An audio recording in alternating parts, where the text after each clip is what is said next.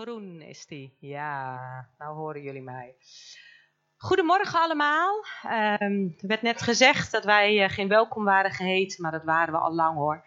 Als we hier zijn, dan voelen we ons sowieso al heel erg eh, welkom. Ehm, we zijn hier inderdaad eerder geweest. Ik ben hier twee keer eerder geweest en hebben gesproken op, uh, op jeugdweekenden. We denken met ontzettend veel plezier aan terug. Heel gezellig, geweldige tijd gehad. John is inderdaad nog wel eens vaker geweest, hier ook op zondagochtend. en we vinden het om uh, vandaag weer bij jullie te mogen zijn. Um, mijn naam is Tamara, ik ben dus getrouwd met John. We hebben vijf kinderen. Mochten vandaag meekomen. Jessie en uh. Er zitten er nog twee onder. We hebben nog JDL van zes en nog een meisje van drie jaar, Jaela. Die zijn nu bij opa en oma in uh, Venray, ook in Limburg, maar dan iets in het noorden. Niet dat mijn uh, ouders daar wonen, maar een broer van mij woont daar. Mijn ouders zijn daar op dit moment. Dus we konden ze zo langs brengen. Want waar komen wij vandaan? Wij komen helemaal uit Almelo, uit het mooie oosten. En uh, al, ja, Almelo, hè? Ja, inderdaad, die voetbalclub waar die gedegradeerd is voor de voetballers onder ons. Dat dus. Maar goed, hè? er zijn ergere dingen in het leven, denken we dan altijd maar. En uh, we hebben nog een oudste zoon, 16, Jaroa. En die zit op dit moment in Düsseldorf. Ook niet zo heel erg ver hier vandaan. Die zit op een uh, voetbalkamp. En um, nou ja, hij.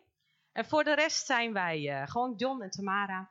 Hele eenvoudige mensen die ook van de Heer Jezus houden. En zoekende zijn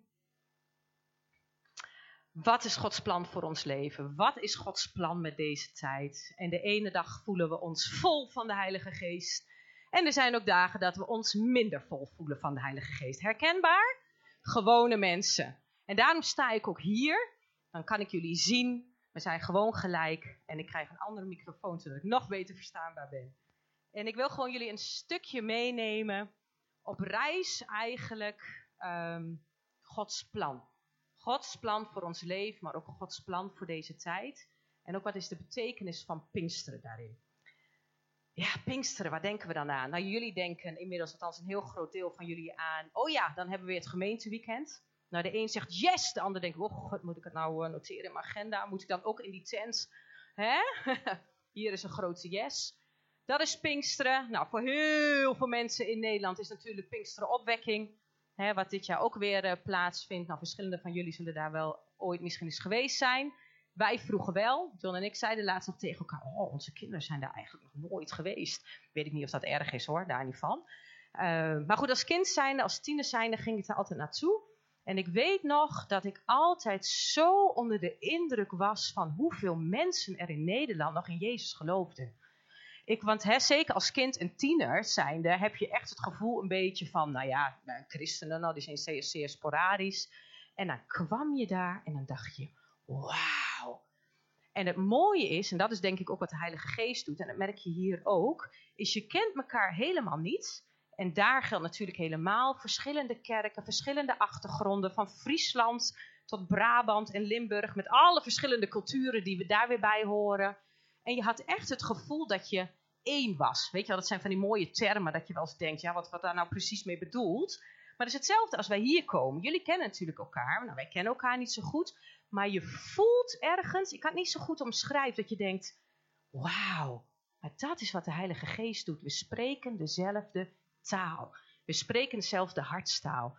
John en ik hebben heel wat gereisd, veel in Zuid-Afrika geweest. Nou, daar kom je in een land, oké, Engels kunnen we dan wel een beetje, met helemaal een verschillende cultuur. En ik vind het zo bijzonder dat als je daar komt, hè, dat je denkt, we zijn gelijk, we zijn één. Ik vind dat zo mooi dat, dat God dat doet, dat de Heilige Geest dat doet. En ik weet nog wel als kind zijnde, als tiener zijnde, heeft dat heel veel in mij gedaan. Dat ik dacht, zie je wel, er is wel een God. Zie je wel, dat moet wel, dat kan gewoon niet anders dan dit. En dan moet ik ook heel eerlijk zijn dat ik wel eens dacht zo van, nou als we dan op dinsdag allemaal weer naar school gaan en we gaan weer naar ons werk, dan, dan is, is Nederland vol van de Heilige Geest. Nou, dat viel dan toch wel een beetje tegen. Toch?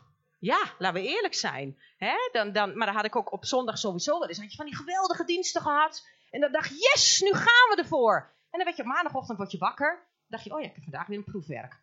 oh ja, moet vandaag gewoon weer naar mijn werk. En, en waar is de Heilige Geest? Je snapt wel een beetje wat ik bedoel. Hè? Dat is soms, ik vind dat soms best wel lastig, ben ik dat.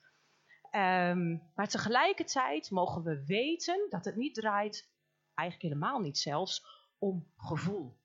Maar het draait om de wetenschap in je hoofd, maar vooral ook in je hart, dat je weet dat de Heilige Geest er is. En het uitstrekken daarna dat we steeds meer van Hem gaan zien, ook in Nederland. Ik zie er nog niks van, ben ik heel eerlijk in. We hadden laatst ehm, een gesprek bij ons op school. Onze kinderen, onze jongste kinderen althans, die gaan naar een protestant-christelijke basisschool. En ehm, ze hebben eerst op een gereformeerde school gezeten. Nou, daar was nog behoorlijk bij was onderwijs. Ze gaan dan nu naar een christelijke school. Is misschien nog wel, ik denk dat wij nog dankbaar mogen zijn. Misschien dat we dan in Almelo leven. Ik denk dat dat hier in Limburg al helemaal, ja, één? Nou, nou, wij hebben er nog meer dan één, gelukkig. Hè? Maar goed, misschien is het hier nog wel, dat weet ik allemaal niet. Hè?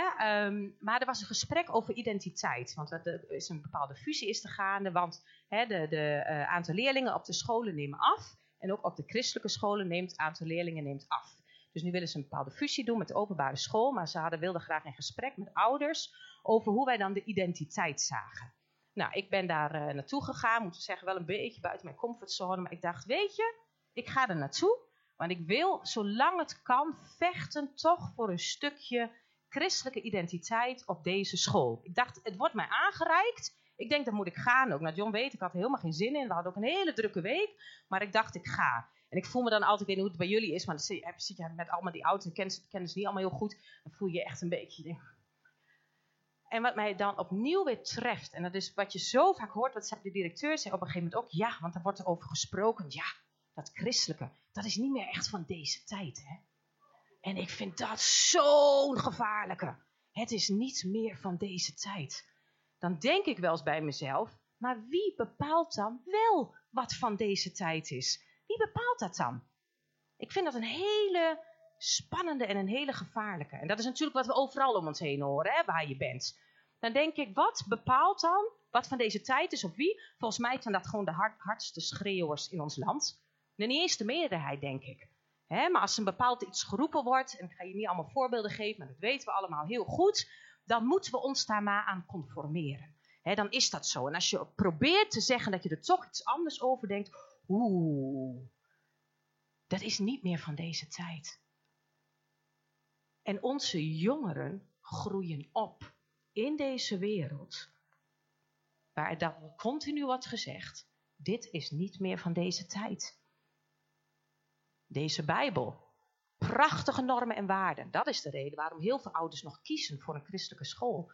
Ondanks het feit dat ze zelf niet meer naar, school, naar de kerk gaan, weinig met het geloof hebben, die normen en waarden, die blijven wel aanspreken. Maar dit, dat is niet meer van deze tijd. En ik vind dat een hele spannende. En ik weet niet hoe jullie er tegenaan kijken. Onze jongeren, jongeren en tieners, kinderen, dat heeft echt het hart van John en mij. Geen wonder dat we er vijf hebben. Was trouwens ook niet helemaal gepland, maar we zijn hartstikke blij met hun alle vijf. Hard werken. um, en soms denk ik wel eens, ook als ik gisteren hoorde ik weer van vrienden van ons, die krijgen een, een, een, een kindje, een vierde kindje. En aan de ene kant denk ik, wauw. En aan de andere kant denk ik, om heel eerlijk te zijn, ook wel eens van, hoe voed je je kinderen op in deze tijd?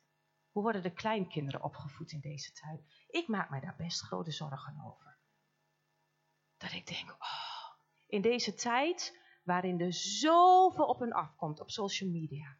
In deze tijd waar je er zelfs over na moet denken of je een meisje bent of een jongen bent. Met wie je, ja toch? Het is, het is, niks is meer vast. Alles kies je zelf. En dan zie je hè, het aantal mensen wat naar de kerk gaat, neemt af. Naar christelijke scholen neemt af. Nou, neemt allemaal af. En dan zijn wij hier, dat we zeggen, wij geloven in God, dat de aarde vol wordt van zijn heerlijkheid. Maar ik zie het niet altijd. Vind ik best een lastige soms. En weet je, met die hele worsteling over beloftes. De belofte dat Jezus terugkomt. De belofte dat iedereen hem leert kennen. De beloftes waar wij soms misschien mee worstelen. Worstelde heel lang geleden Abraham ook al, denk ik. Abraham werd geroepen door God. Met zijn vrouw. werden gebracht naar het land Canaan. En wat werd er gezegd tegen Abraham? Abraham, je zult een groot volk worden. Wauw, ik denk dat Abraham dacht, wauw. Nou, heeft hij dat gezien dat hij een groot volk werd? Nee, hij heeft het niet gezien. Hij, heeft nog allerlei, hij dacht zelf nog een beetje een eigen hand te hebben in die beloftes. Dat is ook zo mooi, hè? Af en toe denken we God een beetje een handje te helpen. Niet doen, wat een puinhoop. Maar Gods genade is er altijd weer, hè? En vanuit die puinhoop, wat wij er af en toe van maken, omdat wij denken dat we God een beetje een handje moeten helpen, is Gods genade daar en hij maakt altijd alle dingen nieuw. En dat vind ik ook een hele mooie belofte. God maakt alle dingen nieuw. Zie ik het altijd? Nee. Maar ik hou me wel vast aan die belofte. En Abraham deed het uiteindelijk ook. Nou, we kennen het verhaal, hè, hoe het verder gaat. Op een gegeven moment krijg je Jozef. Nou, Jozef met zijn mooie dromen, meer een, weer een mooie belofte.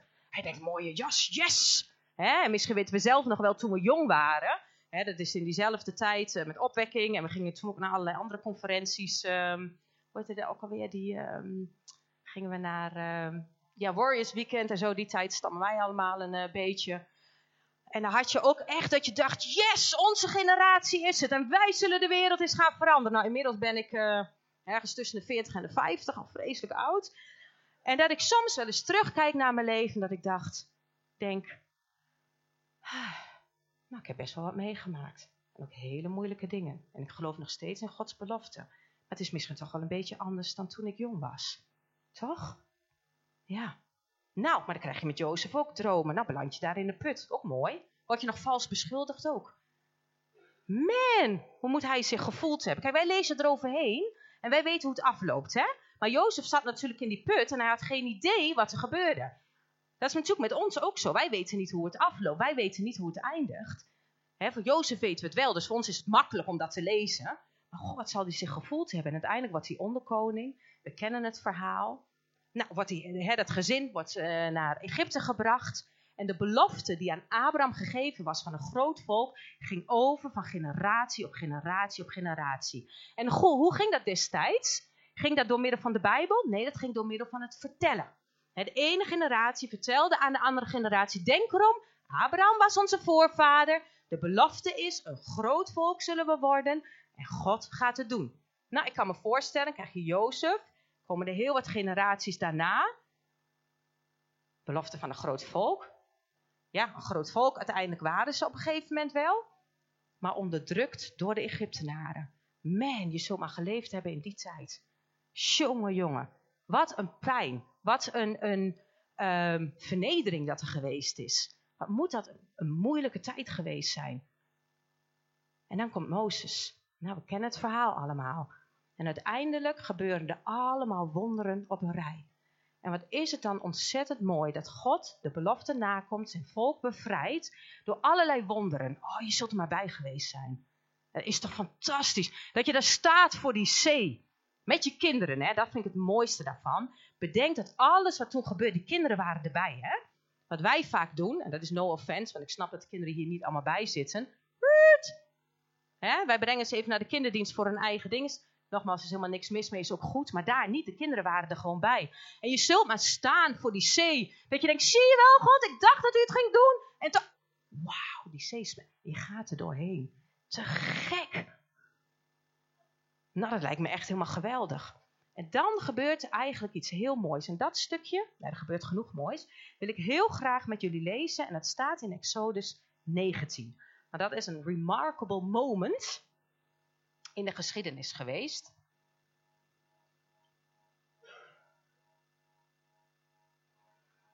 Exodus 19.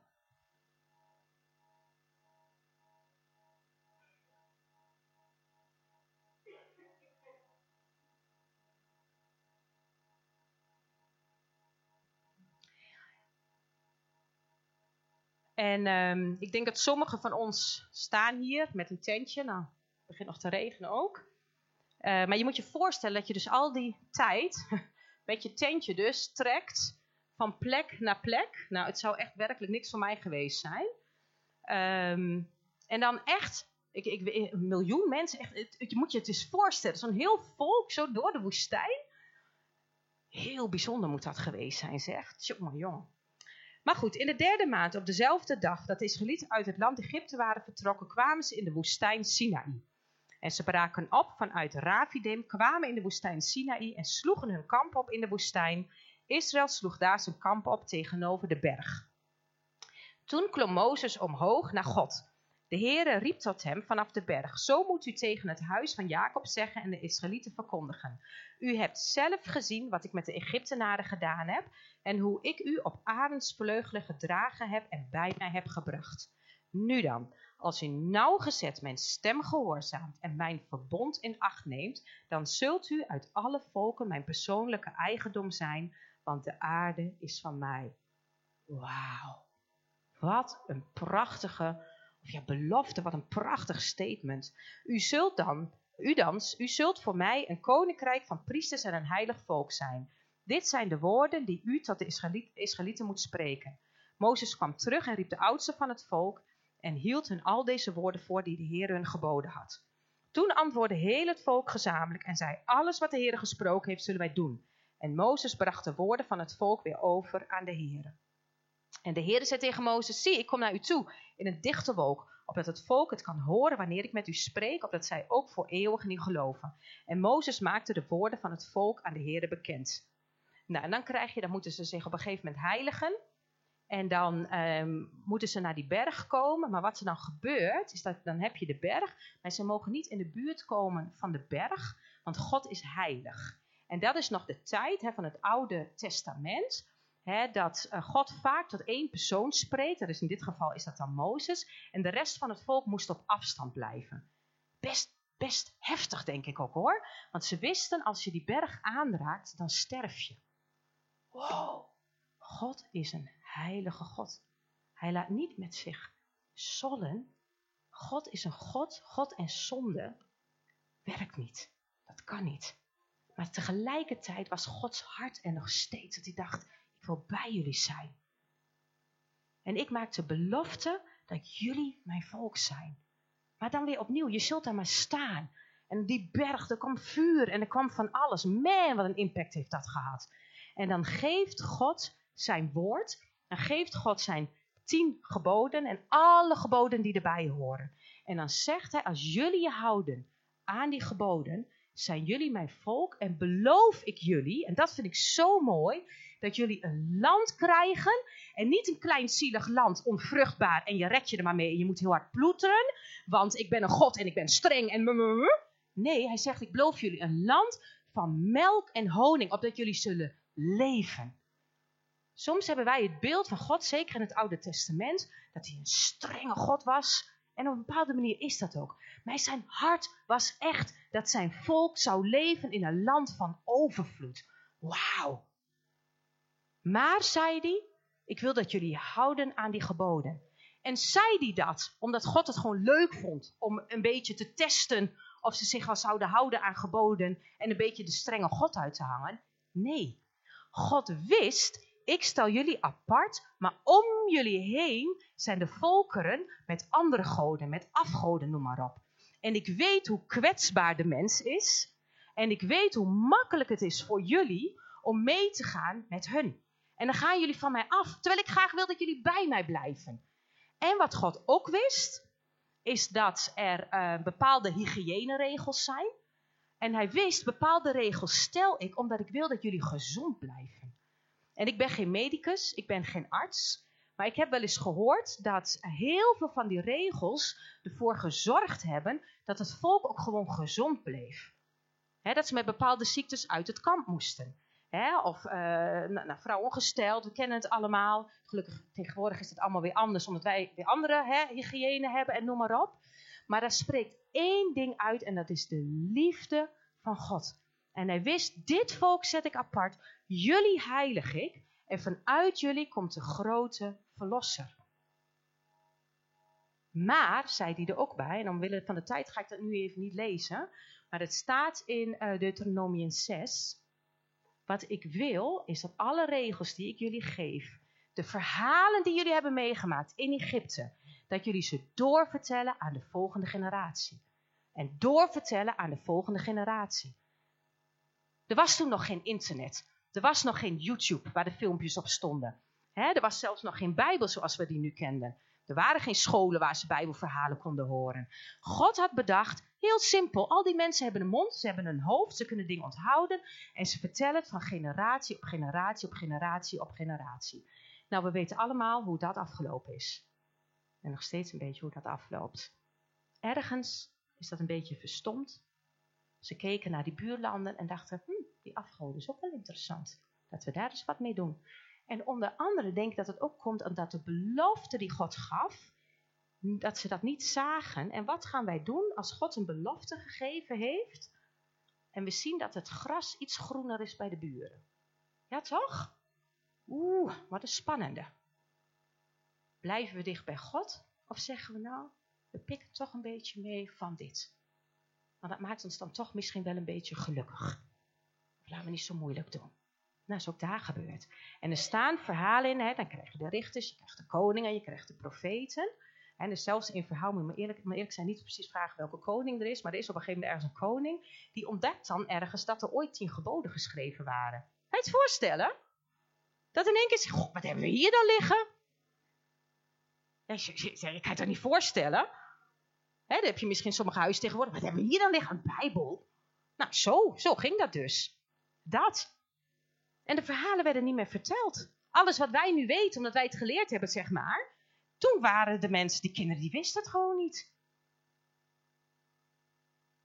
Gaat het door, door, door, tot het einde van het Oude Testament. En nog steeds ligt die belofte van God er. Komt het Nieuwe Testament, dat schijnt geloof ik 400 jaar tussen te zetten. Hele andere tijd. Volk Israël is er. Nou, als je het hebt over wetten, nou, die wetten, die waren er. Maar er waren een paar fariseërs, eh, Sadduceërs en weet ik veel wat van eërs allemaal, die zorgden er wel voor dat de mensen zich aan de wetten hielden. Maar in plaats van liefde, zoals God die wetten had bedoeld, hebben zij er wetten van gemaakt, wetticisme, om de mensen te vangen. Dat is ook wel wat wij af en toe doen met onze wetten. Hè? Wij vangen mensen ook wel eens in die wetten. Pas erop, je houdt je aan die wet. Ondertussen was het nog steeds, was het wel Gods volk, waren ze bezet door de Romeinen. Jongen, jongen, jongen. En wat keken ze uit naar de tijd dat dus de hersteller, de Messias zou komen, die waarschijnlijk hun zou bevrijden van de Romeinen. Dat is wat ze het verlangen toen hadden. Hè? Dat is wat ze wilden. En dan komt Jezus. En Jezus uiteindelijk stamt, en als je begint in Matthäus te lezen, van Abraham, waar ik net mee begonnen ben, dat verhaal komt in één keer Abraham weer op de proppen. Zie je wel, God houdt zijn beloften. Soms duurt het even. Hè, en wij maar denken dat alles binnen tien jaar gebeuren moet. Toch? Of niet? Twee jaar corona worden we al heel onrustig van. wanneer stopt het nou? Hè, wij maar mopperen en mopperen. En dan komt Jezus. Och, wat is Jezus anders? Wat Jezus laat zien, is dat die wetten niet gekomen zijn om knelling te geven, maar dat die wetten gekomen zijn uit liefde. we kennen allemaal het verhaal van de overspelige vrouw. Nou, die fariseeërs, pas erop. Nou, en Jezus, die, vergeeft. Het verhaal kennen van Zacchaeus in de boom. Iedereen had een bloedhekel aan die man. Jezus zegt, wees welkom, kom bij mij. Wat dacht je van de kinderen? Er waren ook heel veel kinderen. En Jezus is daar. En wie notabene houdt de, de kinderen tegen? De discipelen. De discipelen zeggen, weg ermee, weg ermee. Vaak zeggen wij dat ook niet. Het is een belangrijk moment. Oh, kinderen komen binnen. Deur dicht, deur dicht. Snel, want ze maken lawaai. Verstoren ze het heilige moment. Ai. Dat hadden we niet aanzien komen, hè? Kinderen bij Jezus komen. Ja, mag wel, maar daar. Niet hier. Dan huilen ze. Ja, ze huilen, ja.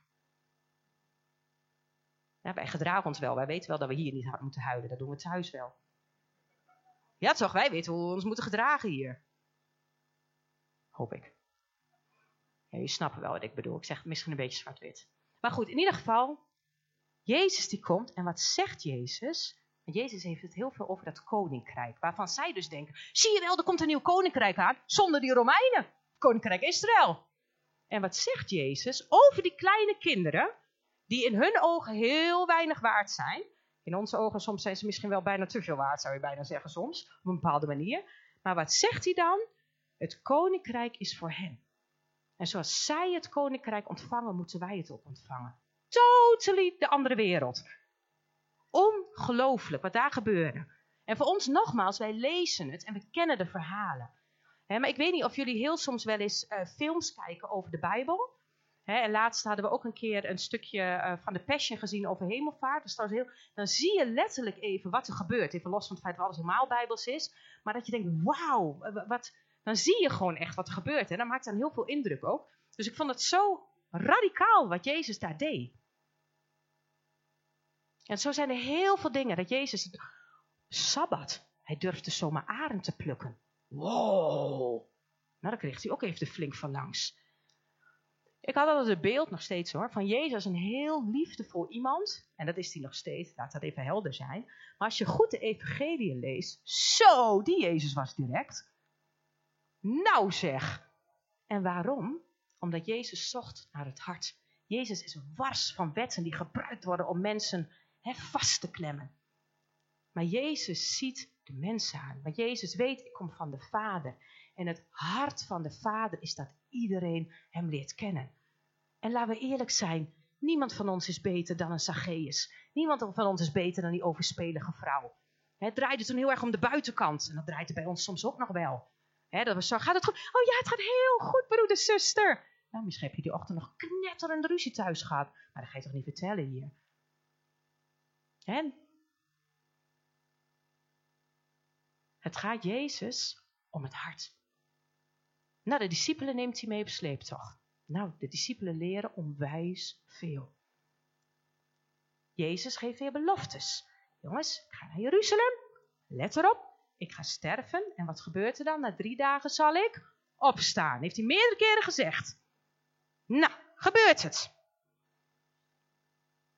Jezus die wordt gevangen genomen. Nou, dan is Petrus nog wel een beetje brutaal. Die probeert hem dan nog een beetje te verdedigen. En er gebeurt dan van alles. En dan op een gegeven moment, hè, die stoere Petrus wordt er tegen hem gezegd. Jij hoort toch ook bij de? Ah, nee, ik hoor niet bij de Jezus. Denk bij je mal. Dan komt er ongelooflijk veel angst over hun. Heel veel angst. Zelfs die hele periode, drie jaar, wel met Jezus gelopen. Maar in één oh, nou komt er heel veel angst. Nou, we kennen het allemaal, Jezus sterft. Nou, dan zullen ze allemaal bij elkaar hebben gezeten. Wat een teleurstelling. Weer een belofte en ze zien het helemaal niet in vervulling gaan. Want hun, hun, hun vriend die is gewoon dood. Man, en, en misschien lopen wij ook wel gevaar. Ze zoeken ons misschien ook wel, dat ze weten dat wij bij de Jezus horen. Weg beloftes. Wat zal er toch door hen heen gegaan zijn toen? En toen waren er een paar vrouwen uiteraard, uiteraard vrouwen, hè, die dachten, nou, laten wij naar Jezus toe gaan. Nou, we kennen het verhaal allemaal. En ze lopen terug naar, die, eh, naar de discipelen. Want Jezus is er niet meer. En hé, hey, Jezus had gezegd dat hij zou opstaan. En dan toont Jezus zichzelf. Oh, Jezus leeft. Hij leeft. En Jezus blijft dan nog 40 dagen bij hun. Hè? Dat is de periode van Pasen tot hemelvaart. En hij vertelt hun dingen over het koninkrijk van God. En wat gebeurt er dan in Handelingen 1? Gaan we even samen lezen.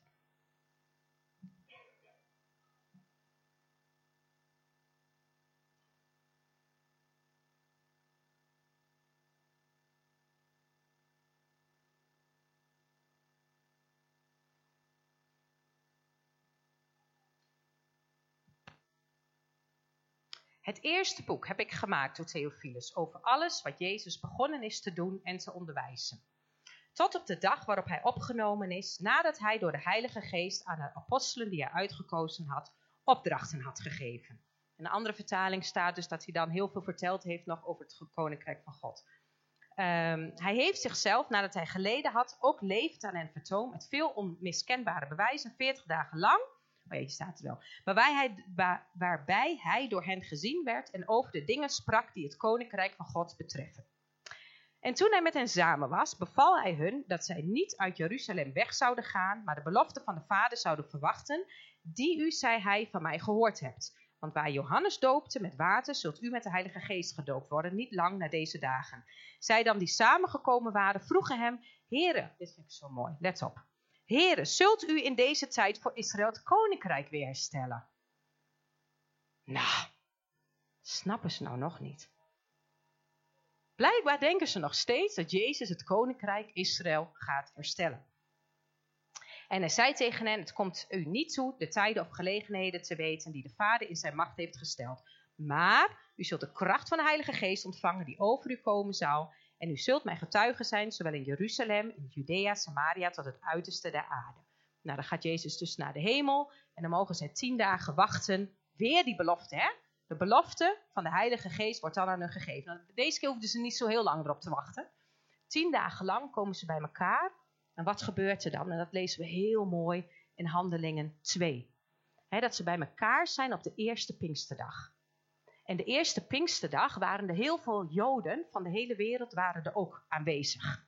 Het oogstfeest werd toen gevierd. En het oogstfeest is zeg maar het begin van de oogst. Maar wat er ook herdacht werd in die tijd, is waar we net over gelezen hadden, is het oude verbond, of ja, nou, inmiddels is het oud, toen was het nog het verbond, wat Jezus, of wat God gesloten had met zijn volk. Daar dachten ze aan. Dus dat was een feest op dat moment. En wat gebeurt er dan? Dan komt de Heilige Geest, ook weer met vuur. En als je even denkt aan wat we net gelezen hadden op de berg Sinaï, kwam ook God zelf naar beneden. Maar toen moesten de mensen nog afstand houden.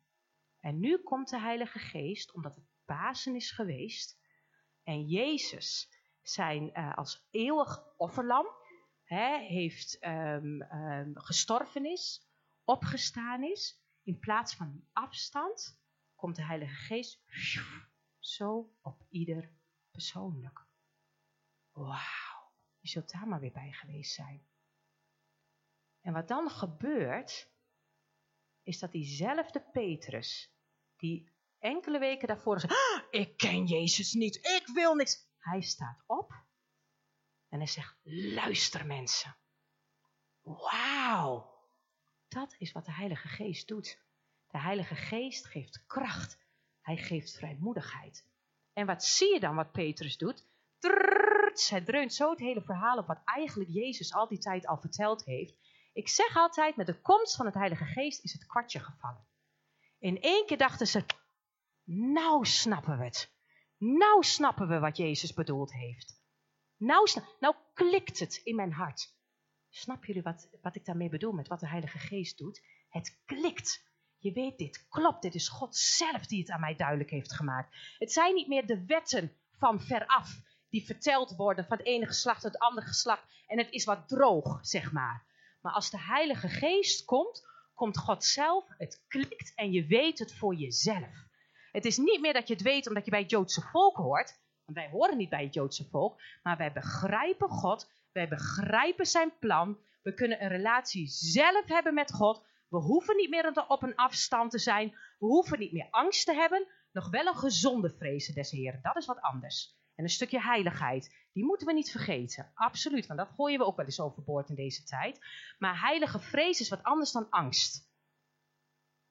Die mogen we hebben. En hij vertelt daar zo vanuit Joël wat er gebeurd is. Wauw, wat een verschil. En wat zegt hij daar? De Heilige Geest zal uitgestort worden over alle vlees. Dus wat je daar ziet, niet alleen maar de Joden, maar het is voor de hele wereld. En lieve mensen, wij leven gelukkig in die tijd. Wij leven in de tijd dat de Heilige Geest uitgestort is en dat wij de Heilige Geest mogen ontvangen. En niet alleen wij, maar ook onze kinderen, de kleinkinderen. Iedereen doet mee, mag de Heilige Geest ontvangen.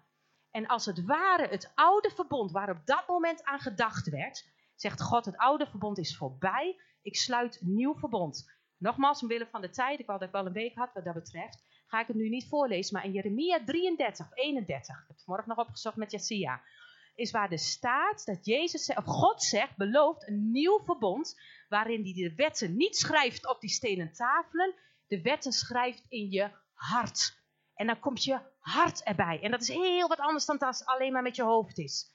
En wat hij ook zegt, jullie zullen mij kennen. Kinderen en volwassenen. Jullie zullen mij kennen. En dan is het niet meer, hé, hey, jij moet de Heer kennen. Nee, ik hoef de Heer niet te kennen, want ik ken hem al. Het nieuwe verbond dat God daar beloofd heeft, wordt in vervulling gebracht op die Pinksterdag. Die twee verbonden komen bij elkaar. En nu leven wij 2000 jaar later. Nog steeds in de belofte van de komst van van Jezus.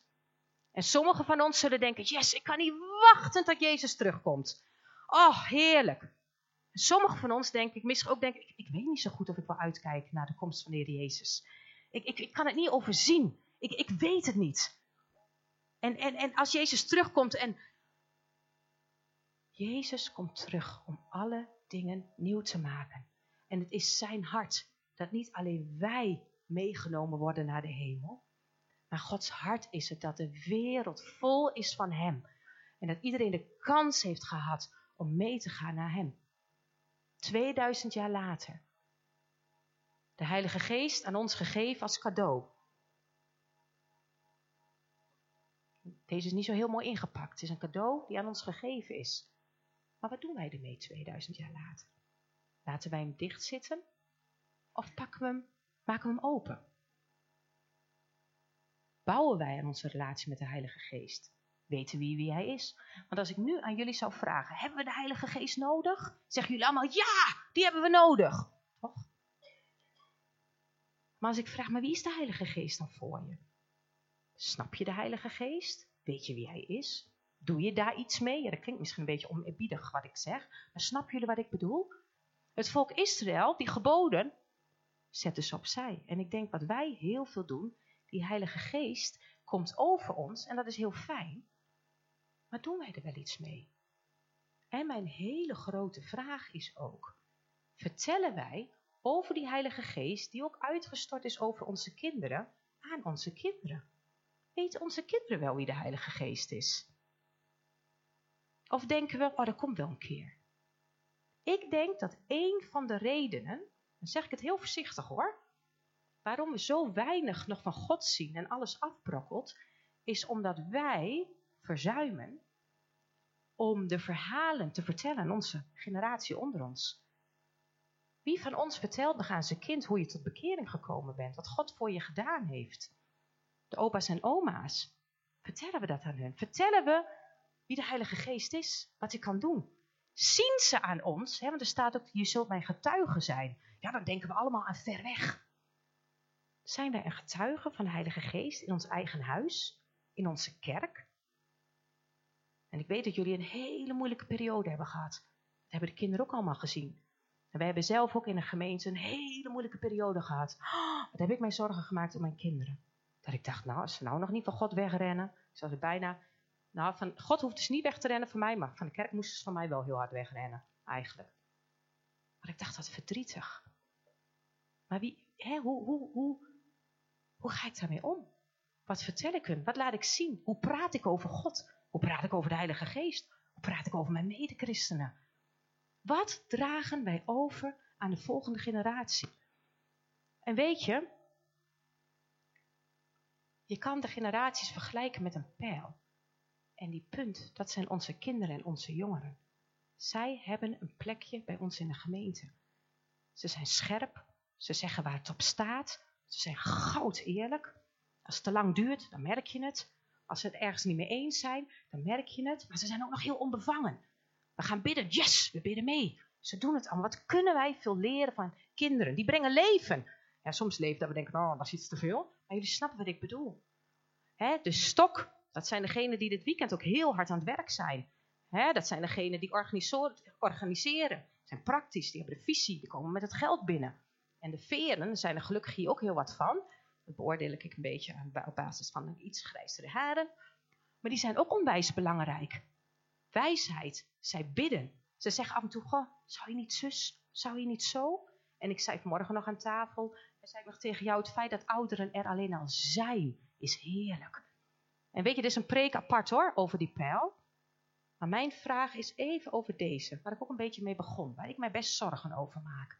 En ik weet dat ik mij daar geen zorgen over hoef te maken, want ik wil God vertrouwen dat Hij weet wat Hij doet. God wist 2000 jaar, 3000, weet ik, al lang dat onze jongeren zouden leven in deze tijd met multimedia, met de social media, met de telefoon. Is voor hem allemaal niet nieuw, hè? Ik denk als wij hem een mobieltje in de hand geven, weet hij precies hoe hij daarmee om moet gaan. Nee, maar ik bedoel, bedoel maar, wij hebben het idee dat een of andere stoffig, nou ja, een beetje oneerbiedig gezegd, maar snap je? Maar God snapt heel goed dat.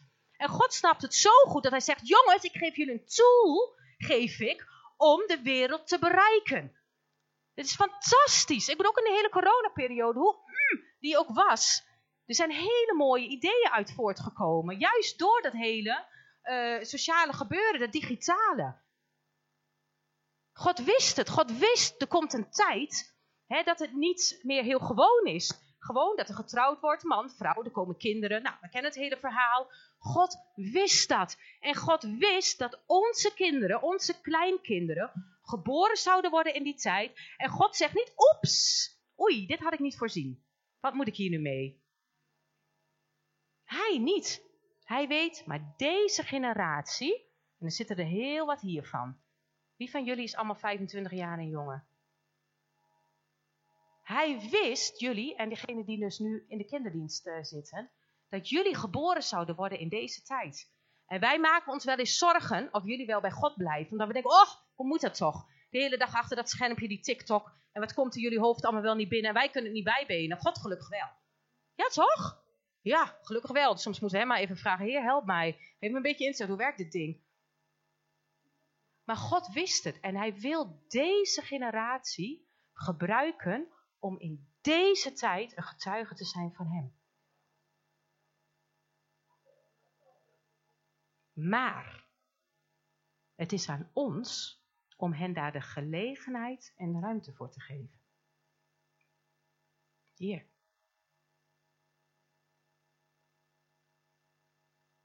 En dat is niet om continu op hun te mopperen, om met allerlei wetjes te komen, maar om met de liefde en ook de vrezen des Heren, die twee gaan hand in hand te komen.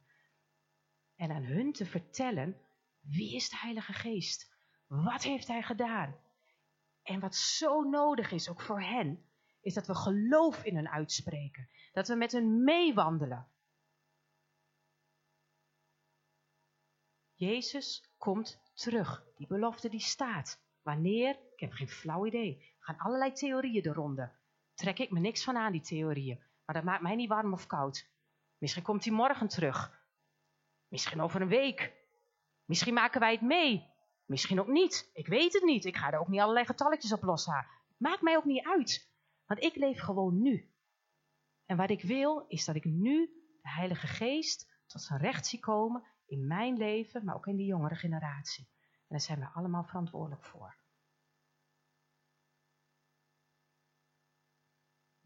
Wauw. Mooi hè? Dat is een belofte, lieve mensen. Is een belofte. En ouders, ik weet niet hoe het met jullie zit. Oh, maar ik vind opvoeden heel lastig in deze tijd. En ik weet dat de grootouders heel veel zeggen. Poeh, onze kinderen hebben het best lastig met de opvoeding, toch? Grootouders, als jullie je kinderen zien worstelen, dat je denkt, hadden wij toch wel een stukje makkelijker, toch? En wij ouders, oh, ja, dat is echt waar hoor. Jullie ouders doen af en toe zo. Die denken zo. Maar ik geloof ook dat God de Heilige Geest gegeven heeft aan ons als ouders met de wijsheid om in deze tijd onze kinderen groot te brengen. Want waar moeten we zijn voor wijsheid? Daar. Niet op Facebook. Ja toch? Niet allerlei bladen. Ja, de Eva, die mag dan. De opwekking, die mag ook. Of de Jensen, of hoe die bladen ook allemaal, die mogen. Dat is wel een beetje, hè? Ja toch, maar waar voeden wij ons mee? Hoe onze kinderen ook moeten voeden? Durven wij nog tegen onze kinderen überhaupt wat te zeggen over wat God gezegd heeft? Of denken we, nou laat maar niet te veel zeggen. Ja toch, maar God heeft ook ons als ouders de wijsheid gegeven. Die wil die geven. Maar we moeten het hem wel vragen. Geef mij wijsheid deze dag. Hoe moet ik omgaan met mijn kind? U snapt deze generatie, ik niet. Maar u snapt ze. Wat moet ik doen? Help mij. En de grootouders hebben jullie wijsheid gegeven om met jullie kleinkinderen en jullie kinderen om te gaan. Oh, wat zit er veel wijsheid bij die grootouders? Want hij geeft jullie de wijsheid en met je kinderen om naast ze komen te staan. Niet tussen hun in, niet mee te bemoeien, maar naast ze te komen staan en af en toe wat in te fluisteren. Pst, pst, pst. Maar vooral af en toe je mond te houden en de binnenkamer te zoeken en te bidden. Dat is voor de grootouders. En af en toe als die kinderen het even niet meer weten met de ouders, dat zeggen mijn kinderen ook, ik ga naar opa en oma. Toch? Ik pak mijn koffers, ik ga maar naar opa en oma. Hè? Oh, heerlijk, die grootouders. En of je nou zelf kinderen hebt of kleinkinderen, wij zijn in Gods gemeente en hier zijn al die drie generaties. Hier is iedereen met een beetje grijze haren, opa en oma. Of je nou kinderen of kleinkinderen hebt of niet. En ook of je nou een puinhoop hebt gemaakt, misschien van je eigen opvoeding. God is een God van herstel. Hebben we ook al mee begonnen.